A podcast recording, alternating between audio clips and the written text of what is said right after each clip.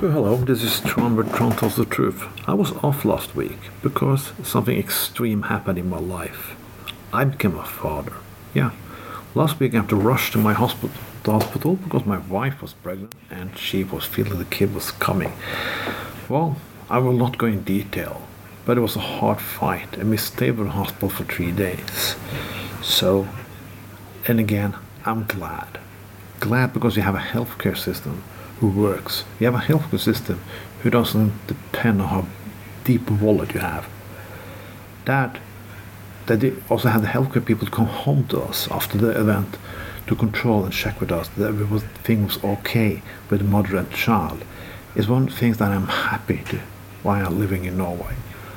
I don't brag about this because I'm because I feel better than anyone else. I want everyone else to have this. This is what true richness really is like. Becoming a father is an extreme event. I have to take care of a child that I created. It's strange, it's scary, and even how many people who told me you can do this and do that, how many books there is. You can Google everything right now, but still it isn't the same. It is scary. It's frightening. What if my child become a mean person? Have I ever been a mean person? Maybe I have. Well, how was my parents? Why did I become the person I became? Why do I do the things I do? Think like the way to think. Over the years, I became father when I was 48. I think it's a good idea for me exactly. I don't say it is good for everyone else, but I had my troubles. Then I had time to reflect on a lot of things. I found it was good and was what was definitely not very good. I don't want to pass down those not so very good things to a child. Somebody said like, yeah, but he's your son. He inherited them anyway. I not, do not agree. Because people sometimes become fond when they're not ready for it. Take those bad things over to the child before it's too late. That is not good. This become an extreme event. Maybe more extreme for my wife and all the pains, and all the shit was going through. It was scary, but now it's scary nice and I'm exhausted.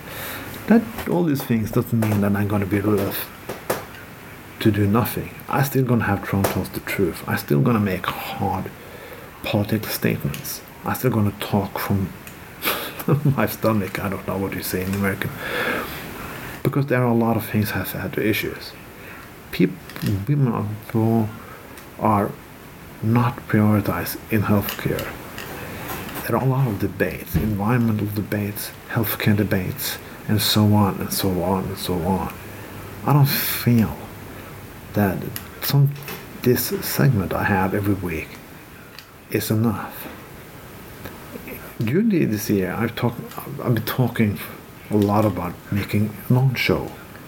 I will still have Tron talk the truth. We will call it hold with Tron. It's going to be a longer segment, a longer longer tales of things, and you're going to address guests and a more deep and hard conversation. I'm not getting milder, more soft to come to become a father. Some issues had to be addressed and had to be addressed hard. I'm still not going to be a conservative like, oh, see me, I have a, I'm a father. I'm going to stop censoring things, stop stop censoring things, and not do this and do that. I'm still the person that I always been, but I have responsibilities more than I ever had in my life.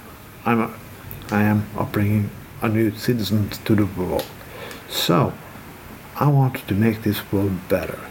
I cannot change it, I cannot revolutionize it, but my son has made me want to do this even more, more than ever.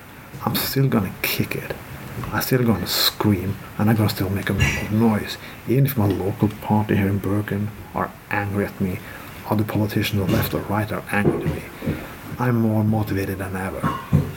I have to make a better world, not only for me and everyone else, but my son. Address him some good issue uh, values, so maybe he can kick some ass in the future and take care of more people, and do something good for society. I hope he will. I know he will. And I'm going to do everything I can to make that will come true. This was Tron. Tron tells the truth. Have a fucking nice evening. I'm a father.